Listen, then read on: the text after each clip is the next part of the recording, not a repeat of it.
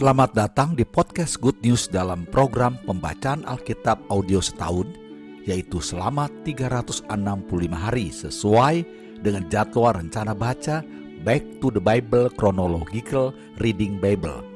Selamat mendengarkan, Tuhan Yesus memberkati. Inilah mendengarkan firman Tuhan hari ke-16. Kejadian pasal 12 ayat 1 sampai dengan 9. Abram dipanggil Allah. Berfirmanlah Tuhan kepada Abram, "Pergilah dari negerimu dan dari sanak saudaramu dan dari rumah bapamu ini ke negeri yang akan kutunjukkan kepadamu. Aku akan membuat engkau menjadi bangsa yang besar dan memberkati engkau serta membuat namamu masyur dan engkau akan menjadi berkat. Aku akan memberkati orang-orang yang memberkati engkau, dan mengutuk orang-orang yang mengutuk engkau. Dan olehmu, semua kaum di muka bumi akan mendapat berkat. Lalu pergilah Abram seperti yang difirmankan Tuhan kepadanya, dan Lot pun ikut bersama-sama dengan dia. Abram berumur 75 tahun ketika ia berangkat dari Haran. Abram membawa Sarai istrinya dan Lot anak saudaranya dan segala harta benda yang didapat mereka dan orang-orang yang diperoleh mereka di Haran. Mereka berangkat ke tanah Kanaan, lalu sampai di situ. Abram berjalan melalui negeri itu sampai ke suatu tempat dekat Sikem, yakni pohon terbantin di More. Waktu itu orang Kanaan diam di negeri itu. Ketika itu Tuhan menampakkan diri kepada Abram dan berfirman, aku akan memberikan negeri ini kepada keturunanmu. Maka didirikannya di situ mesbah bagi Tuhan yang telah menampakkan diri kepadanya. Kemudian ia pindah dari situ ke pegunungan di sebelah timur Betel. Ia memasang kemahnya dengan Betel di sebelah barat dan Ai di sebelah timur. Lalu ia mendirikan di situ mesbah bagi Tuhan dan memanggil nama Tuhan. Sesudah itu Abram berangkat dan makin jauh ia berjalan ke tanah Negeb. Ayat 10 sampai dengan 20. Abram di Mesir. Ketika kelaparan timbul di negeri itu, pergilah Abram ke Mesir untuk tinggal di situ sebagai orang asing, sebab hebat kelaparan di negeri itu. Pada waktu ia akan masuk ke Mesir, Berkatalah ia kepada Sarai istrinya, Memang aku tahu bahwa engkau adalah seorang perempuan yang cantik parasnya.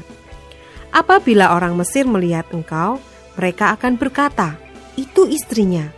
Jadi mereka akan membunuh aku dan membiarkan engkau hidup. Katakanlah bahwa engkau adikku, supaya aku diperlakukan mereka dengan baik karena engkau, dan aku dibiarkan hidup oleh sebab engkau. Sesudah Abram masuk ke Mesir, orang Mesir itu melihat bahwa perempuan itu sangat cantik. Dan ketika punggawa-punggawa Firaun melihat Sarai, mereka memuji-mujinya di hadapan Firaun, sehingga perempuan itu dibawa ke istananya. Firaun menyambut Abram dengan baik-baik karena ia mengingini perempuan itu. Dan Abram mendapat kambing domba, lembu sapi, keledai jantan, budak laki-laki dan perempuan, keledai betina, dan unta. Tetapi Tuhan menimpakan tulah yang hebat kepada Firaun. Demikian juga kepada seisi istananya, karena Sarai, istri Abram itu. Lalu Firaun memanggil Abram serta berkata, Apakah yang kau buat ini terhadap aku? Mengapa tidak kau beritahukan bahwa ia istrimu? Mengapa engkau katakan dia adikku, sehingga aku mengambilnya menjadi istriku? Sekarang inilah istrimu, ambillah dan pergilah. Lalu Firaun memerintahkan beberapa orang untuk mengantarkan Abram pergi bersama-sama dengan istrinya dan segala kepunyaannya. Kejadian pasal 13 ayat 1 sampai dengan 18. Abram dan Lot berpisah. Maka pergilah Abram dari Mesir ke tanah Negeb dengan istrinya dan segala kepunyaannya, dan Lot pun bersama-sama dengan dia. Adapun Abram sangat kaya, banyak ternak, perak, dan emasnya. ia berjalan dari tempat persinggahan ke tempat persinggahan, dari tanah Negeb sampai dekat Betel, di mana kemahnya mula-mula berdiri. Antara Betel dan Ai, ke tempat mesbah yang dibuatnya dahulu di sana, di situlah Abram memanggil nama Tuhan. Juga Lot, yang ikut bersama-sama dengan Abram, mempunyai domba dan lembu dan kemah. Tetapi negeri itu tidak cukup luas bagi mereka untuk diam bersama-sama sebab harta milik mereka amat banyak, sehingga mereka tidak dapat diam bersama-sama. Karena itu terjadilah perkelahian antara para gembala Abram dan para gembala Lot. Waktu itu orang Kanaan dan orang Feris diam di negeri itu. Maka berkatalah Abram kepada Lot, Janganlah kiranya ada perkelahian antara aku dan engkau, dan antara para gembalaku dan para gembalamu, sebab kita ini kerabat Bukankah seluruh negeri ini terbuka untuk engkau? Baiklah pisahkan dirimu daripadaku. Jika engkau ke kiri, maka aku ke kanan. Jika engkau ke kanan, maka aku ke kiri. Lalu Lot melayangkan pandangnya dan dilihatnya lah bahwa seluruh lembah Yordan banyak airnya, seperti taman Tuhan, seperti tanah Mesir, sampai ke Zoar. Hal itu terjadi sebelum Tuhan memusnahkan Sodom dan Gomora. Sebab itu, Lot memilih baginya seluruh lembah Yordan itu, lalu ia berangkat ke sebelah timur dan mereka berpisah. Abram menetap di tanah Kanaan, tetapi Lot menetap di kota-kota lembah Yordan dan berkemah di dekat Sodom. Adapun orang Sodom sangat jahat dan berdosa terhadap Tuhan. Setelah Lot berpisah daripada Abram, berfirmanlah Tuhan kepada Abram, "Pandanglah sekelilingmu dan lihatlah dari tempat engkau berdiri itu, ke timur dan ke barat, utara dan selatan. Sebab seluruh negeri yang kau lihat itu akan kuberikan kepadamu dan kepada keturunanmu untuk selama-lamanya. Dan aku akan menjadikan keturunanmu seperti debu tanah banyaknya. Sehingga jika seandainya ada yang dapat menghitung debu tanah, keturunanmu pun akan dapat dihitung juga. Bersiaplah, Jalanilah negeri itu menurut panjang dan lebarnya, sebab kepada mula akan kuberikan negeri itu. Sesudah itu, Abram memindahkan kemahnya dan menetap di dekat pohon-pohon terbantin di Mamre, dekat Hebron. Lalu didirikannya lah mesbah di situ bagi Tuhan. Kejadian pasal 14 ayat 1 sampai dengan 16. Abram mengalahkan raja-raja di timur dan menolong Lot. Pada zaman Amrafel Raja Sinear, Ariok Raja Elazar, Kedor Laomer Raja Elam, dan Tideal Raja Goyim, terjadilah bahwa raja-raja ini berperang melawan Bera, Raja Sodom, Birsya, Raja Gomora, Shinab, Raja Atma, Shemeber, Raja Zeboim, dan Raja Negeri Bela, yakni negeri Zoar. Raja-raja yang disebut terakhir ini semuanya bersekutu dan datang ke lembah Sidim, yakni Laut Asin. 12 tahun lamanya mereka takluk kepada Kedor Laomer, tetapi dalam tahun yang ke-13 mereka memberontak. Dalam tahun yang ke-14, datanglah Kedor Laomer serta raja-raja yang bersama-sama dengan dia Lalu mereka mengalahkan orang Refaim di Asiterot Karnaim, orang Zuzim di Ham, orang Emim di Syawe Kiryataim, dan orang Hori di pegunungan mereka yang bernama Zeir, sampai ke El Paran di tepi padang gurun. Sesudah itu baliklah mereka dan sampai ke En Mispat, yakni Kades, dan mengalahkan seluruh daerah orang Amalek dan juga orang Amori yang diam di Hazezon Tamar.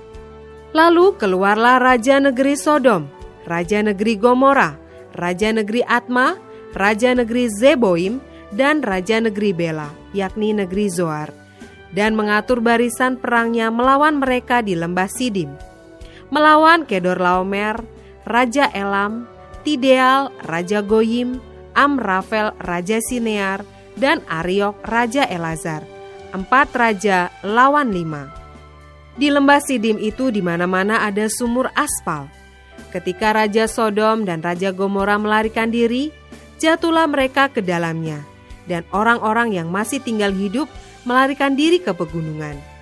Segala harta benda Sodom dan Gomora beserta segala bahan makanan dirampas musuh, lalu mereka pergi.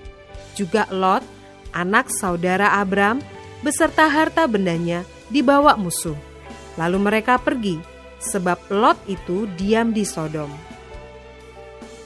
Kemudian datanglah seorang pelarian dan menceritakan hal ini kepada Abram, orang Ibrani itu, yang tinggal dekat pohon-pohon terbantin kepunyaan Mamre, orang Amori itu, saudara Eskol dan Aner, yakni teman-teman sekutu Abram. Ketika Abram mendengar bahwa anak saudaranya tertawan, maka dikerahkannyalah orang-orang yang terlatih, yakni mereka yang lahir di rumahnya, 318 orang banyaknya, lalu mengejar musuh sampai ke Dan. Dan pada waktu malam berbagilah mereka, ia dan hamba-hambanya itu, untuk melawan musuh. Mereka mengalahkan dan mengejar musuh sampai ke Hoba di sebelah utara Damsyik. Dibawanyalah kembali segala harta benda itu, juga Lot, anak saudaranya itu, serta harta bendanya dibawanya kembali. Demikian juga perempuan-perempuan dan orang-orangnya. ayat 17 sampai dengan 24. Pertemuan Abram dengan Melkisedek. Setelah Abram kembali dari mengalahkan Kedor Laomer dan para raja yang bersama-sama dengan dia, maka keluarlah Raja Sodom menyongsong dia ke lembah Syahwe, yakni lembah raja. Melkisedek, Raja Salem, membawa roti dan anggur. Ia seorang imam Allah yang maha tinggi Lalu ia memberkati Abram. Katanya, Diberkatilah kiranya Abram oleh Allah yang maha tinggi, pencipta langit dan bumi. Dan terpujilah Allah yang maha tinggi, yang telah menyerahkan musuhmu ke tanganmu. Lalu Abram memberikan kepadanya sepersepuluh dari semuanya. Berkatalah Raja Sodom itu kepada Abram, Berikanlah kepadaku orang-orang itu, dan ambillah untukmu harta benda itu.' Tetapi kata Abram kepada raja negeri Sodom itu, Aku bersumpah demi Tuhan, Allah yang maha tinggi, pencipta langit dan bumi. Aku tidak akan mengambil apa-apa dari kepunyaanmu itu, sepotong benang atau tali kasut pun tidak, supaya engkau jangan dapat berkata, Aku telah membuat Abram menjadi kaya. Kalau aku, jangan sekali-kali. Hanya apa yang telah dimakan oleh bujang-bujang ini dan juga bagian orang-orang yang pergi bersama-sama dengan aku, yakni Aner, Eskol, dan Mamre, biarlah mereka itu mengambil bagiannya masing-masing. Kejadian pasal 15 ayat 1 sampai dengan 21. Perjanjian Allah dengan Abram, janji tentang keturunannya. Kemudian datanglah firman Tuhan kepada Abram dalam suatu penglihatan. Janganlah takut Abram, akulah perisaimu. Upahmu akan sangat besar. Abram menjawab, Ya Tuhan Allah, apakah yang akan engkau berikan kepadaku? Karena aku akan meninggal dengan tidak mempunyai anak. Dan yang akan mewarisi rumahku ialah Eliezer orang Damsik itu. Lagi kata Abram, engkau tidak memberikan kepadaku keturunan, sehingga seorang hambaku nanti menjadi ahli warisku. Tetapi datanglah firman Tuhan kepadanya demikian, orang ini tidak akan menjadi ahli warismu, melainkan anak kandungmu, dialah yang akan menjadi ahli warismu. Lalu Tuhan membawa Abram keluar serta berfirman, Coba, lihat ke langit, hitunglah bintang-bintang, jika engkau dapat menghitungnya. Maka firmannya kepadanya, Demikianlah banyaknya nanti keturunanmu. Lalu percayalah Abram kepada Tuhan. Maka Tuhan memperhitungkan hal itu kepadanya sebagai kebenaran.